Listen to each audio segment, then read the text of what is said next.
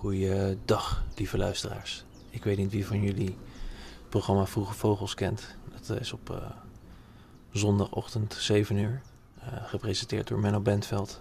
Die praat altijd een beetje zo, een beetje hees. Vanuit de studio op de Veluwe. En die begint de aflevering altijd met een vogelgeluid. Dus ik dacht, laat ik dat ook even doen. En even kijken. Ja, kijk, kijk, kijk, kijk, kijk. We horen hier typische gechif en gechaf van, hoe kan het ook anders? Cherry de chifchaf. Inmiddels is zich gewoon uh, een heel kabinet aan vogels aan het vormen buiten mijn raam. Cherry de chifchaf. Is klaar voor de groenling. En inmiddels is ook uh, Wouter Koolmees aangeschoven. Maar er zijn nog meer vliegende gasten voorbijgekomen. We hebben Boris de Boomklever, uh, Hans Halsbalparkiet. We hebben uh, Robin Roodborst, Winterkoning Arthur. En uh, ook um, een Woody Woodpecker, de grote bonte specht. En dan heb je nog een houtduif. Die heb ik ook Woody genoemd, omdat het een houtduif is. Um, maar om ze uit elkaar te houden heb ik die dan Woody Harrelson genoemd. Wat ik persoonlijk een best wel, best wel goede naam voor een duif vind. Um, en tot slot hebben we nog uh, Tiger Woods, ook hout. Tiger Woods, uh, de aalscholver. Al met al uh, houdt het me bezig. Maar genoeg over vogels voor nu. Live opgenomen vanuit de studio in mijn slaapkamer hier in Lissebroek. Mijn naam is Zendijk, lieve mensen. En dit is Ben Overprikkeld, aflevering 2. Die ik noem Mindfulness en meditatie. Het pad naar verlichting.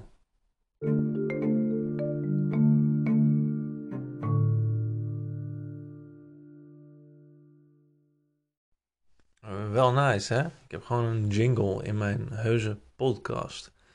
Ja, ik heb uh, een, uh, een app gedownload, speciaal voor podcast. Roel, je zou trots op me zijn. En wat ik doe is als ik uh, tijdens een van mijn wandelingen uh, door mijn uh, kamer heen, en tijdens een hele korte denksessie, ineens flarden van dingen in me opkomen waarvan ik denk: hé, hey, daar zou ik wel eens iets over willen zeggen. Dan schrijf ik dat even op. dat lukt al wat beter. Schrijven, gelukkig, korte zinnetjes. Um, en dan kan ik gewoon met mijn podcastmaker, die Anchor heet um, fragmenten opnemen. Dan kan ik daarna met die fragmenten schuiven en ze aanpassen en er zelfs jingles aan toevoegen. Is goed. Hebben jullie gelijk een soort behind the scenes look. Is goed. Nu hoor ik je misschien zeggen van Ben, dat uh, mindfulness, meditatie, dat, dat, is, dat is mijn ding helemaal niet. Um, dat geeft niet, dat was het voor mij vroeger ook niet. Um, maar nu is het vrij letterlijk uh, mijn leven. En ik hoop toch, ja, uh, gewoon op een beetje leuke manier natuurlijk. Misschien nog wel wat handige tips en tricks mee te geven. Voor iemand die ook mindfulness interessant vindt van jullie. Um, dat kunnen we allemaal wel in ons leven wat meer gebruiken. En zo niet, dan in ieder geval wat inzicht te geven in um, wat een persoon die bijna niks kan doen, toch weet te doen op een dag. Maar laat ik uh, eerst even beginnen met uh, hoe het met me gaat op het moment. Ik zit nu zo'n drie maanden bij mijn ouders. In totaal uh, vier maanden van zelfisolatie. En I'm losing my mind. Nou ja, valt op zich nog mee. Ik heb wel weer even een terugval gehad. Daar heb ik het wel best wel moeilijk mee, moet ik zeggen. Um, want ja, ik had geprobeerd wat daglicht te winnen. Daar vertel ik zo wat over. Uh, en dat ben ik helaas weer voor een groot deel verloren. Dus dan moet je altijd weer even de nieuwe realiteit accepteren. Ik verveel me af en toe wel echt helemaal de tyfus in. Maar ja, dat is dan helemaal zo. Um, en ik denk dat uh, naast mentale strijd wordt voor een groot deel ook fysieke strijd. Omdat je, je lichaam gaat gewoon zwaar achteruit als je heel weinig beweegt. Ik heb ook in het begin echt zo weinig mogelijk bewogen, geprobeerd te bewegen.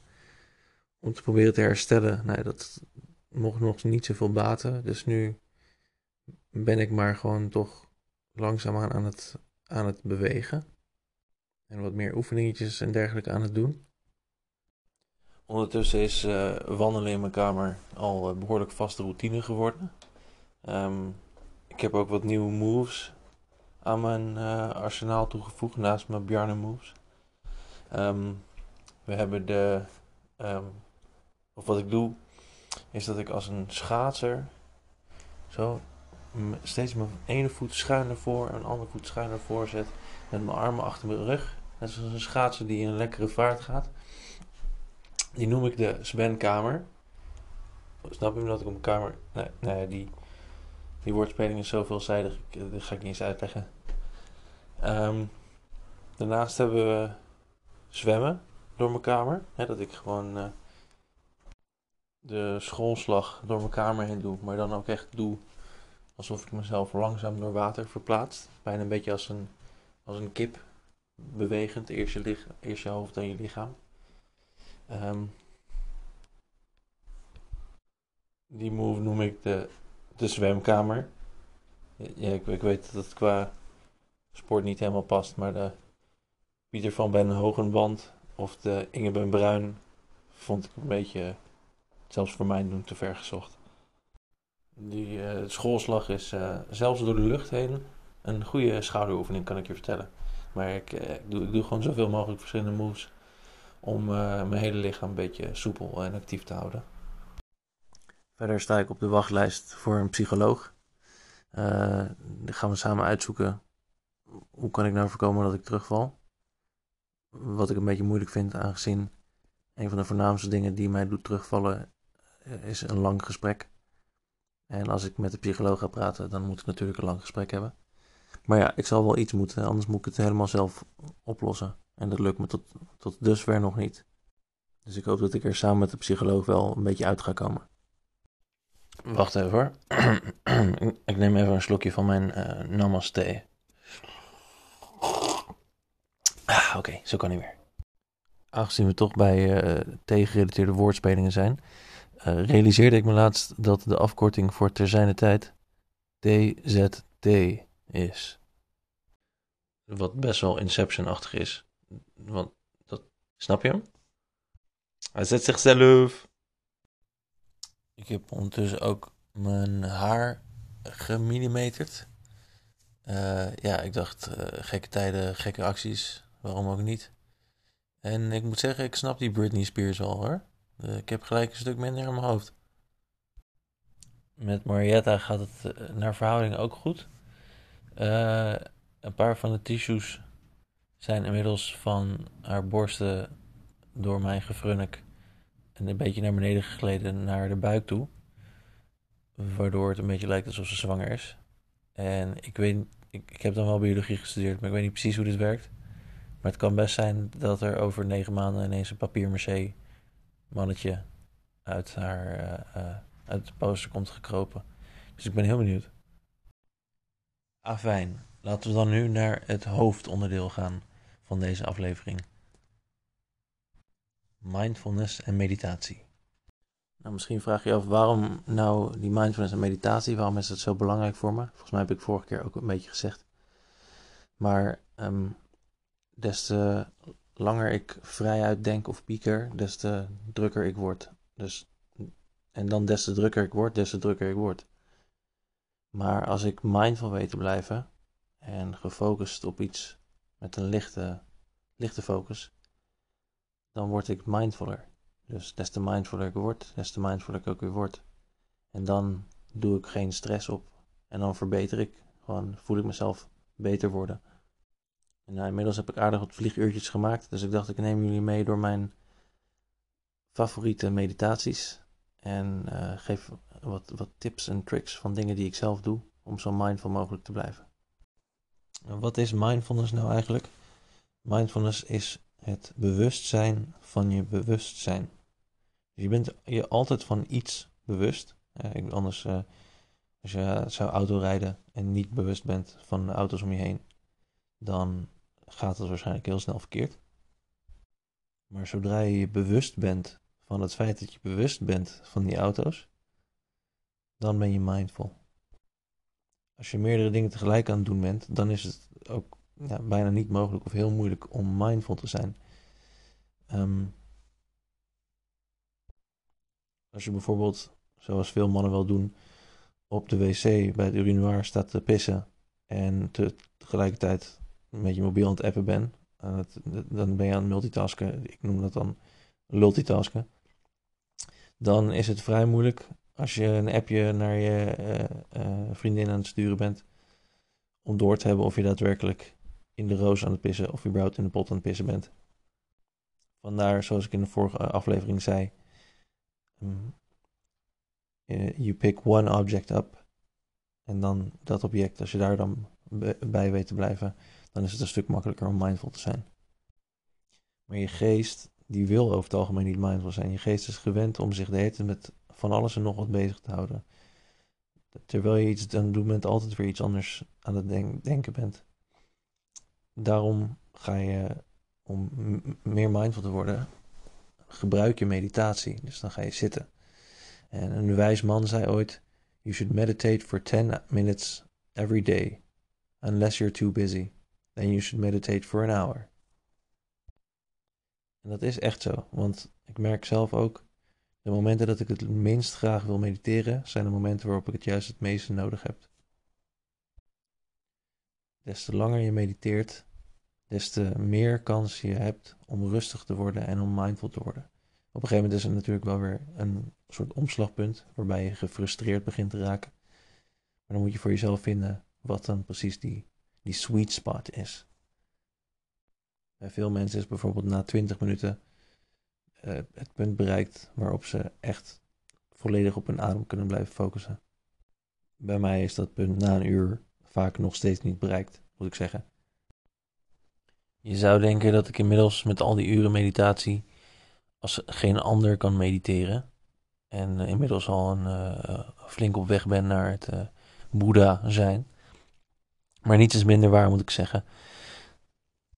Ik denk dat als een van jullie vijf of tien minuten zou gaan zitten, mediteren, op je adem letten, dat je er beter bij kunt blijven dan ik. Want door de overprikkeling en de medicatie is het zo'n chaos in mijn hoofd waardoor concentreren erg moeilijk is. Um, maar toch blijf ik voortzetten, die, die uren meditatie. Ik voel me soms als een pizzabakker met ADHD, die zijn pizza deeg opwerpt en vervolgens wordt afgeleid door iets wegkijkt, waardoor die pizza op een willekeurige plek terechtkomt. En vervolgens begint hij met een nieuw stuk deeg gewoon weer opnieuw, waarna die nog een keer raakt afgeleid, afgeleid raakt en het dus weer opnieuw gebeurt. Of als de pizzabezorger zonder gevoel voor richting, die zijn routes maar niet kan onthouden.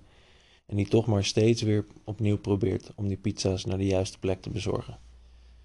Ik kan zo vast nogal meer al dan niet pizza gerelateerde analogieën verzinnen, maar volgens mij is het punt wel duidelijk. Het is een zootje in mijn hoofd. Maar toch ben ik redelijk trots op mezelf dat ik doorzet om iedere keer maar weer opnieuw die meditatie te doen. Toch te doen. Het mooie is dat mindfulness en meditatie eh, samen een, een spel zijn. Wat, wat je nooit kunt winnen, maar altijd kunt spelen. Als het moeilijk is om erbij te blijven met je hoofd bij je ademhaling bijvoorbeeld. Als je de hele tijd afgeleid raakt, dan moet je die afleiding eigenlijk zien als een kans. Het heeft je een kans gegeven om juist weer te trainen. Om terug te komen naar dit moment. Om meer mindful te worden. Zoals mijn psycholoog me ooit geleerd heeft, Falen bestaat niet, er is enkel resultaat. Maar a man does not simply stay mindful all day long. Het is een kunst om mindful te blijven. En daarom zijn er, moet je klein beginnen. Het zijn eigenlijk kleine opstapjes die ervoor zorgen dat je uiteindelijk een groot deel van je dag mindful kunt blijven en veel meer kunt genieten van je ervaringen. Toen ik voor het eerst een mindfulness cursus deed, toen moesten we één of twee activiteiten kiezen die we zo mindful mogelijk gingen proberen te doen. En ik koos voor tanden poetsen en naar de wc gaan. Poepen. Ik zei het gewoon poepen. I don't give a shit. En ik weet niet hoe dat voor jullie zit, maar tot vandaag de dag, en ik ben al drie jaar af en aan bezig met mindfulness uitoefenen. En het afgelopen half jaar natuurlijk als, als een gek.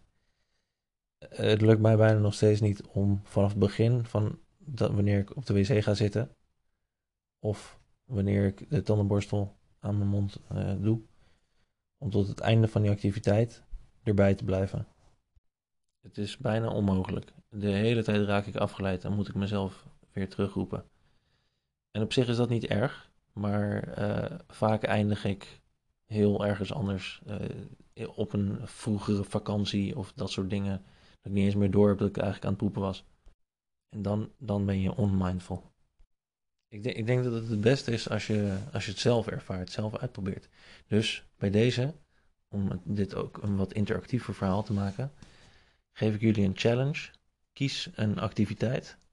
En laat dat bijvoorbeeld dus poepen of tandenpoetsen zijn of iets in die richting.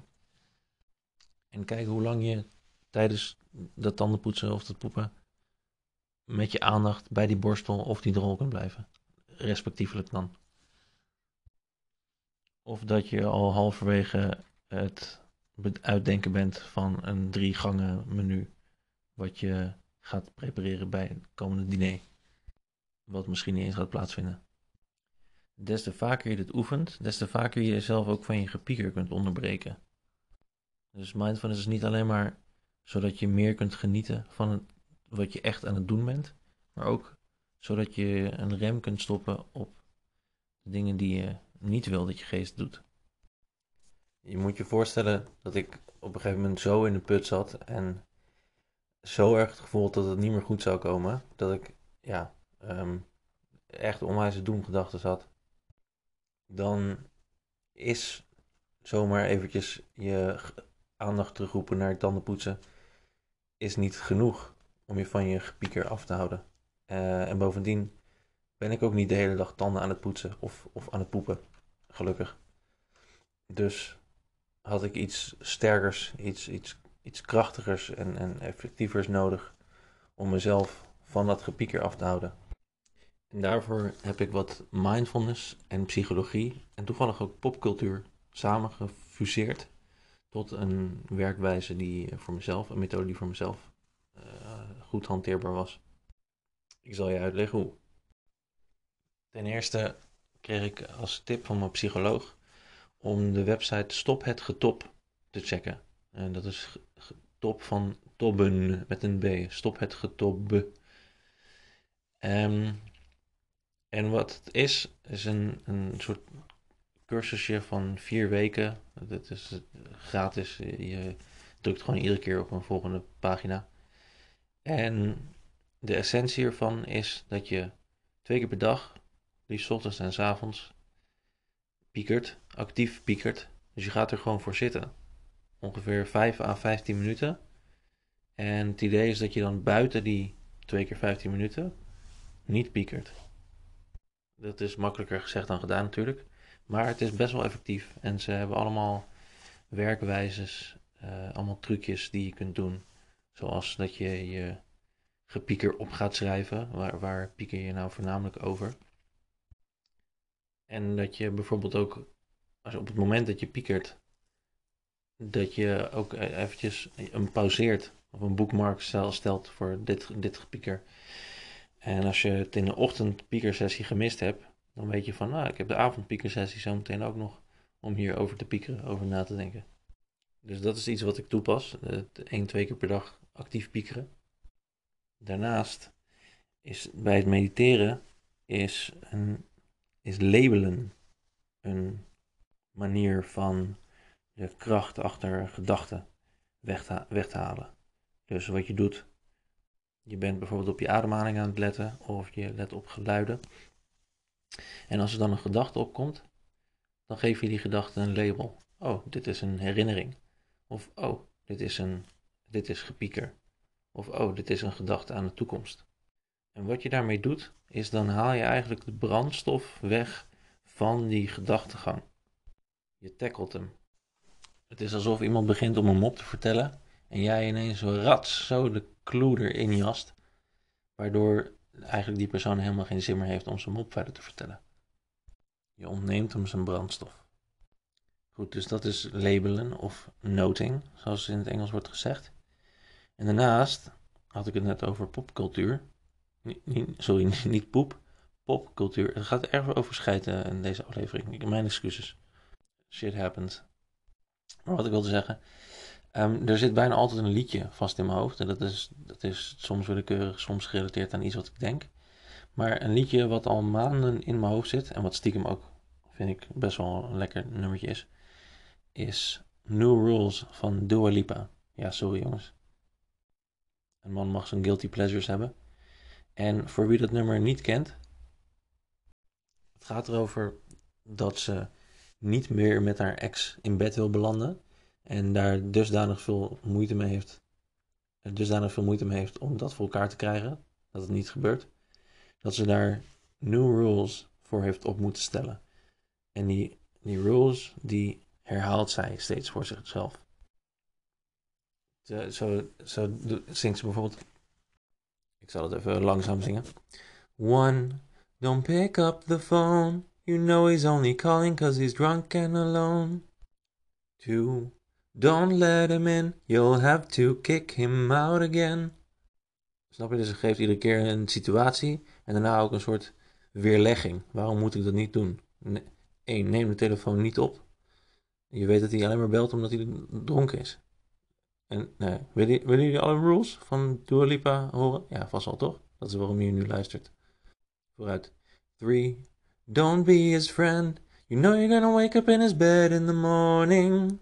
And if you're under him, you ain't getting over him. I got new rules, I count them. Oké, okay, is goed.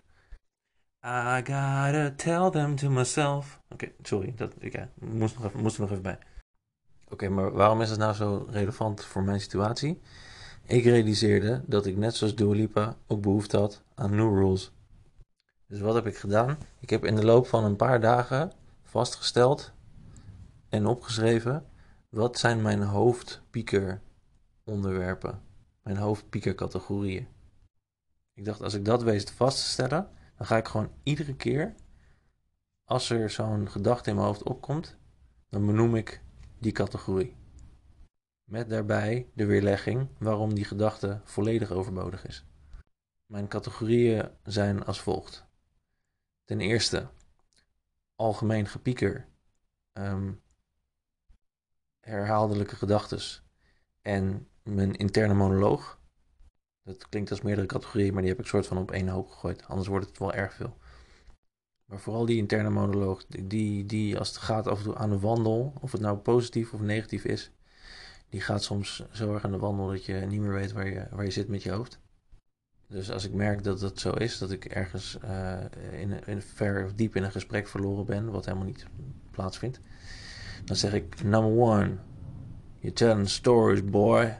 Ain't no one listening. Waarom, waarom dat met zo'n western accent moet, weet ik niet, maar dat, gaat gewoon lekker voor me. Maar als ik dat dan, dan zeg, dan merk ik dat in ieder geval voor eventjes die brandstof is weggenomen. En soms moet ik dat tien keer achter elkaar zeggen, maar dan, dan word ik dus echt onderbroken in mijn gepieker. En dan kan ik weer terug naar mijn adem of wat ik voel of wat ik hoor. Categorie 2 uh, eh, is doemgedachtes en uh, alles wat erbij hoort. Dus uh, dingen zoals ik heb geen idee hoe ik dit nog langer vol kan houden. Of ik heb geen zin vandaag. En die categorie heb ik genoemd ik geef nooit op. En dat doet me altijd denken, ga let een liedje spelen van Peter Jan Rens met de Geef Nooit Op show. Geef nooit op, doe, doe, doe, geef nooit op. Zo ging het ongeveer, volgens mij. Nou goed, Categorie 3 is mijn situatie.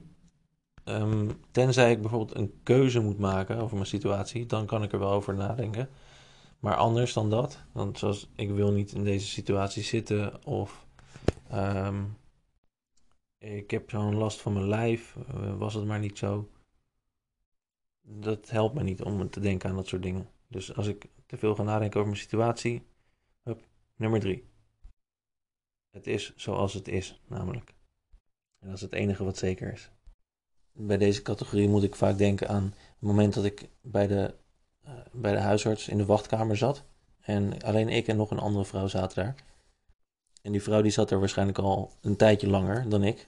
Want al vrij snel nadat ik binnenkwam, begon ze met, uh, op de mobiel te kijken en geluiden te maken van... Nou, hè. Terwijl ik ondertussen gewoon lekker gebruik van mijn tijd maakte om te mediteren, wist ik, het gaat precies duren zolang als het duurt voordat de huisarts mij komt halen. En dat geldt voor haar ook.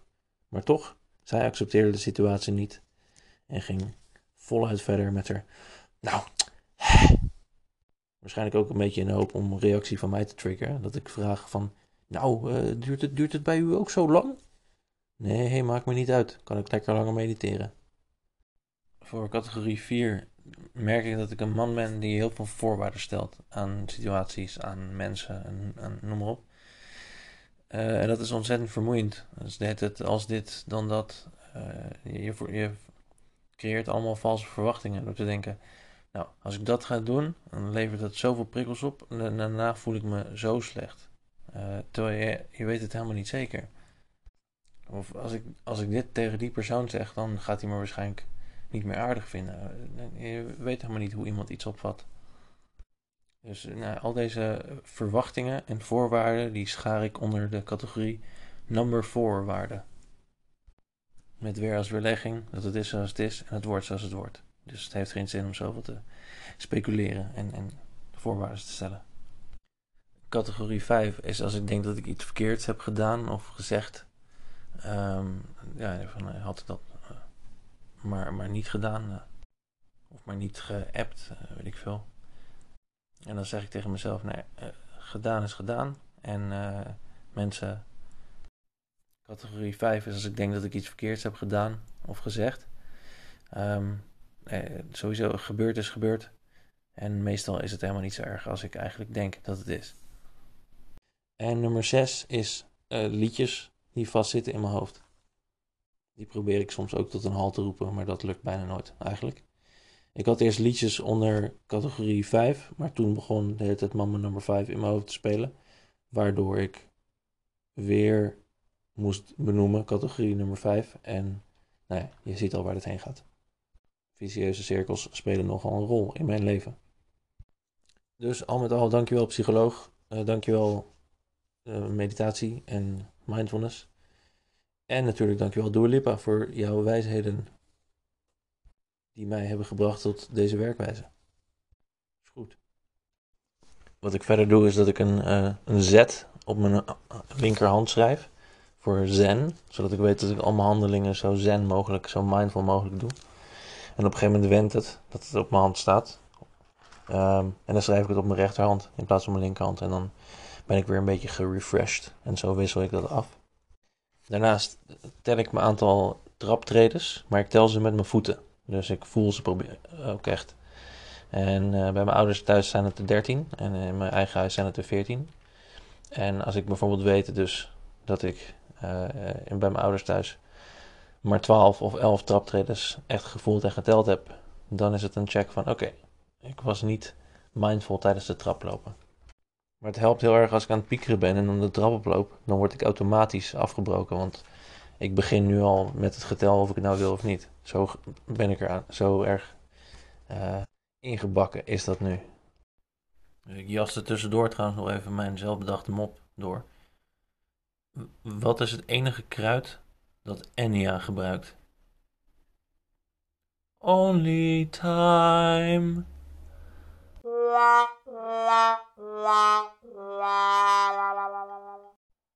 Sorry, ik moest even.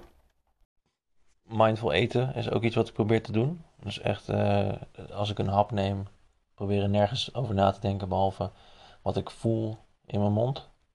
En ik denk dat het meest sensationele wat ik gegeten heb, als, als het echt om sensatie gaat, is een uh, bevroren krentenbol.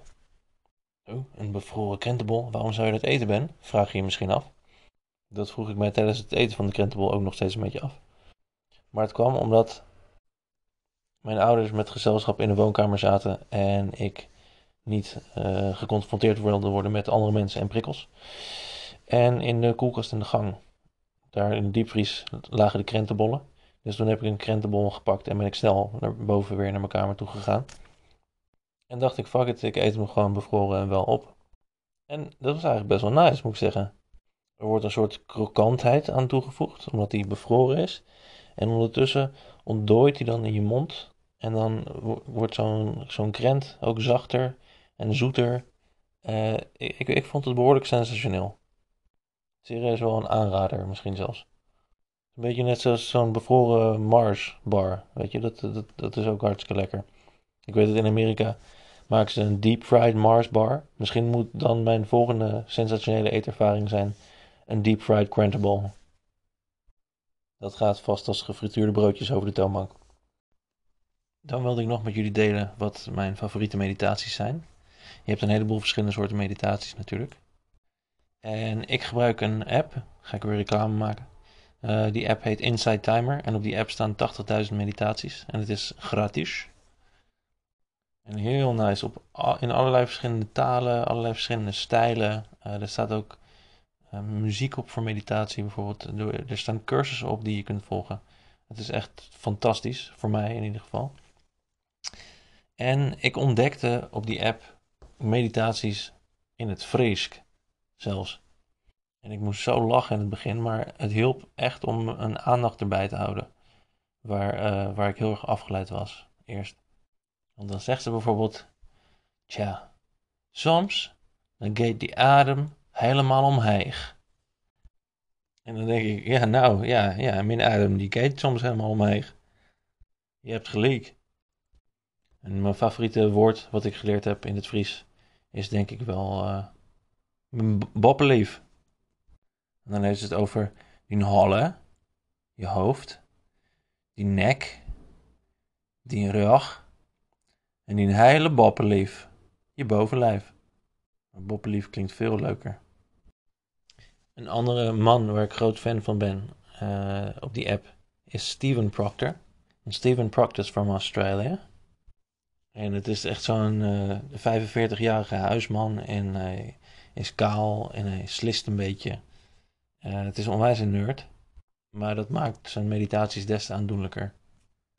Zo heeft hij een dankbaarheidsmeditatie en hij zegt dat het eigenlijk niet zo goed mogelijk is om een dankbaarheidsmeditatie te, te leiden, begeleid te doen, omdat iedereen voor zichzelf iets heeft waar die dankbaar voor is. Het is vrij persoonlijk, persoonsgericht, gebonden bedoel ik. Sorry.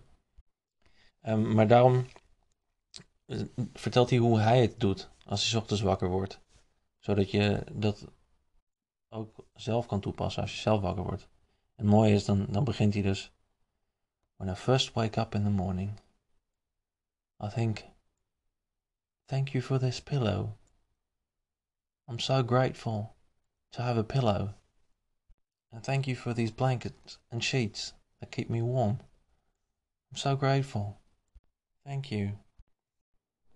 And thank you for my wife, who chooses to sleep in the bed next to me. I'm so, so grateful, thank you. And I'm grateful to have a car to drive me to work every day. And thank you for the people that maintain the roads and change the bulbs in the traffic lights. And thank you for the trees who share each breath with me, supplying me with oxygen. Here, Please accept this gift of carbon dioxide in return. Vooral die vind. Je kiest zelf waar je dankbaar voor bent en het kan zo klein of zo groot zijn als je het maar zelf wil.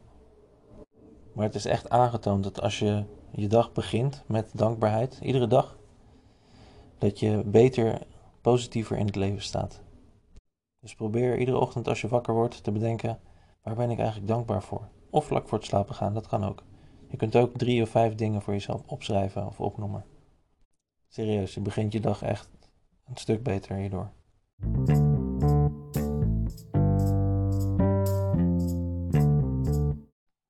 Ik ben op het moment bezig met een licht-experiment om mezelf bloot te stellen aan meer licht. Zodat ik eindelijk uh, uit het donker kan treden, uit mijn uh, mordor. Ik voel me af en toe net zoals Smeagol. Want het is, uh, ja, zeg maar, vrij donker in mijn kamer. En het idee is dat ik een, een x aantal minuten of uur per dag mijn gordijn bijvoorbeeld verder openzet dan de dag ervoor. En mijn lichaam protesteert erg tegen de opbouw, kan ik je vertellen. Heel gek, maar ik uh, begin, uh, toen ik voor het eerst begon met meer licht blootstellen, werd ik net een soort gasfabriek. Ik ging allemaal scheetjes en boeren laten. Heel raar, maar zo reageer ik blijkbaar. En ja, natuurlijk pijn, pijn aan mijn ogen, pijn aan mijn hoofd. Maar uiteindelijk werd dat weer wat minder, gelukkig. En wat ik doe, ik heb een langwerpige kamer met aan de ene kant van de kamer een, een dakraam, een gordijn. Dat gordijn voor het raam, dat probeer ik dan steeds een stukje verder open te zetten. En aan de andere kant van de kamer heb ik een spot. Spotlight. Spotlight. Ken je nog die reclames van Spotlight? Sorry, ik doe af. Die spotlight die staat richting het plafond gemikt. En die geeft veel te veel licht. Als die gewoon volop schijnt. Dus ik had iets nodig om die spotlight mee te bedekken. Nou, ik had er eerst een soort plastic dekseltje opgezet. Toen dat bijna begon te smeulen, dacht ik, nou, dit is geen goed idee. Toen ben ik weer in mijn doosje met uh, diversen en prularia gaan kijken. Nou zat er toevallig een Boeddha-beeldje in. Porseleinen Boeddha-beeldje, wat ik ooit van een vriend heb gekregen voordat ik op reis ging. En dat Boeddha-beeldje, dat, nou, dat bleef perfect staan bovenop die spotlight. En het mooie was dat op een gegeven moment ik naar die spotlight keek, naar de wand daarachter. En er een silhouet afgetekend werd van die Boeddha. En toen dacht ik, wauw, dit is wel nice. Die Boeddha die waakt over mij, die, die beschermt mij. En toen realiseerde ik me dat in het boeddhisme ben je op zoek naar verlichting, ben je op het pad naar verlichting. En ik was ook op pad naar meer licht, naar verlichting. En had een Boeddha-beeldje op mijn verlichting. Uh, nee, volgens mij kan het veel symbolischer dan dat niet worden. Ik was er licht door geïntrigeerd. Dan wilde ik jullie graag nog introduceren aan mijn favoriete nieuwe woord met betrekking tot mindfulness en meditatie. En dat is equanimity. Dat bekt wel lekker, hè? Equanimity. En ik realiseer me ook dat het toch weer terugkomen op het T-thema met equanimity. Equanimity klinkt in Nederlands veel minder stoer, namelijk gelijkmoedigheid. Houdt in dat je iets benadert zonder oordeel, zonder interpretatie. Je vindt het niet goed, je vindt het niet slecht. En het kan je daardoor niet raken. Je kan het objectief bekijken daardoor. Eigenlijk is dat eerste contact wat je maakt met een impuls, met een prikkel, laten we bij het thema blijven. Ehm, wat je in dat moment ervaart, dat is eigenlijk de essentie van meditatie. Laat ik het wat concreter maken. Uh, ik hou van terugkerende thema's, sowieso. Dus als voorbeeld gebruik ik vogelgeluiden. Stel je voor, ik ben aan het mediteren en ik hoor. Dan zeg ik niet, oh dat is Ruku, de Turkse tortel. Of ik hoor.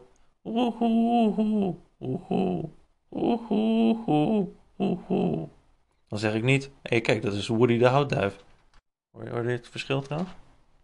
Maar dan heb je dus al een, een vertaalslag gemaakt.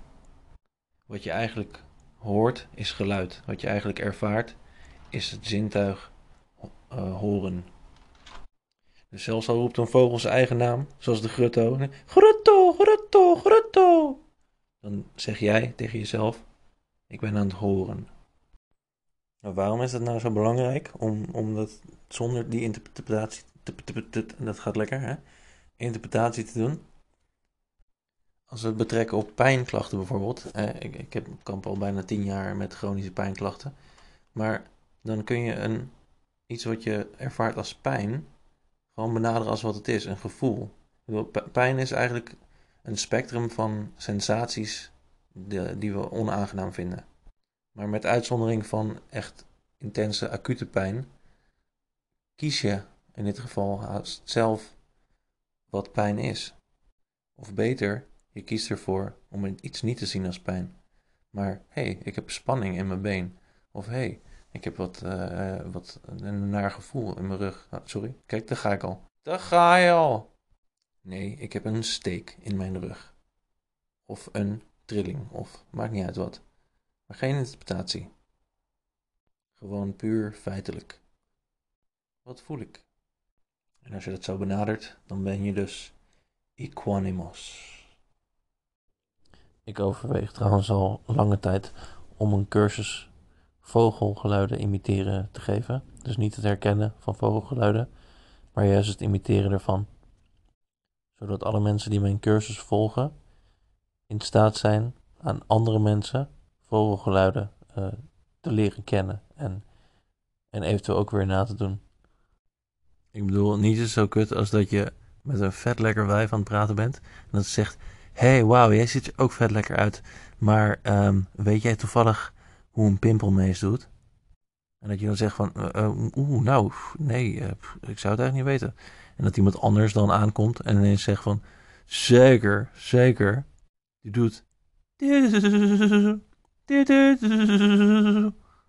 En dat ze dan zegt, wauw, ik ga met jou mee naar huis, want jij weet wel dingen die ertoe doen. True story. Dus schrijf je nu in voor mijn workshop, wauw. Zodat chicks ook tegen jou zeggen, nu vind je nog lekkerder. Ik bedoel, niet zo kut als dat je met een vet lekker wijf aan het praten bent. En dat ze zegt, hey, wauw, jij bent ook vet lekker. Maar uh, ik voel me af, um, weet jij hoe een vink doet? Dat je zegt van, nou, uh, nou, uh, nee, ik, ik, heb eigenlijk geen idee. Dat er dan iemand anders aankomt en zegt, zeker, zeker. Die doet... En dat ze dan zegt, wauw, jouw vink pas lekker. Ik ga met jou mee naar huis, want jij weet tenminste wel dingen die ertoe doen. True story. Dus schrijf je nu in voor mijn workshop. Wauw. En zorg ervoor dat meisjes ook met jou de koolmees willen doen. Goed. En dan nog een laatste wijsheid van de dichter Dorothy Hunter. In this choiceless, never ending flow of life, there is an infinite array of choices, but one alone brings happiness to love what is. What is love?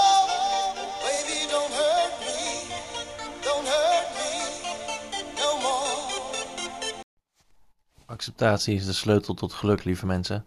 Acceptatie is de sleutel tot geluk. Wees niet die huffende en puffende ontevreden vrouw bij de, uh, bij de huisarts in de wachtkamer. Wees juist die tevreden, contente, zen persoon die gebruik maakt van het moment. Is goed zoals het is. Is goed zoals het is. Tot slot laat ik jullie nog achter met een zelfverzonnen gedicht. Want ja, je, je moet toch wat als je zo'n tijdje zit zoals ik. Ik had ooit een boek over boekwijd. En eens op een dag was mijn boek kwijt. Verloren in een veld van boekwijd. Broekwijd? Nee, boekwijd. Oh. Vermoedelijk was toen mijn broek wijd, waardoor zo'n boek door mijn broek leidt. En nu ben ik ook nog mijn broek kwijt. Broek kwijt? Ja, en boek kwijt.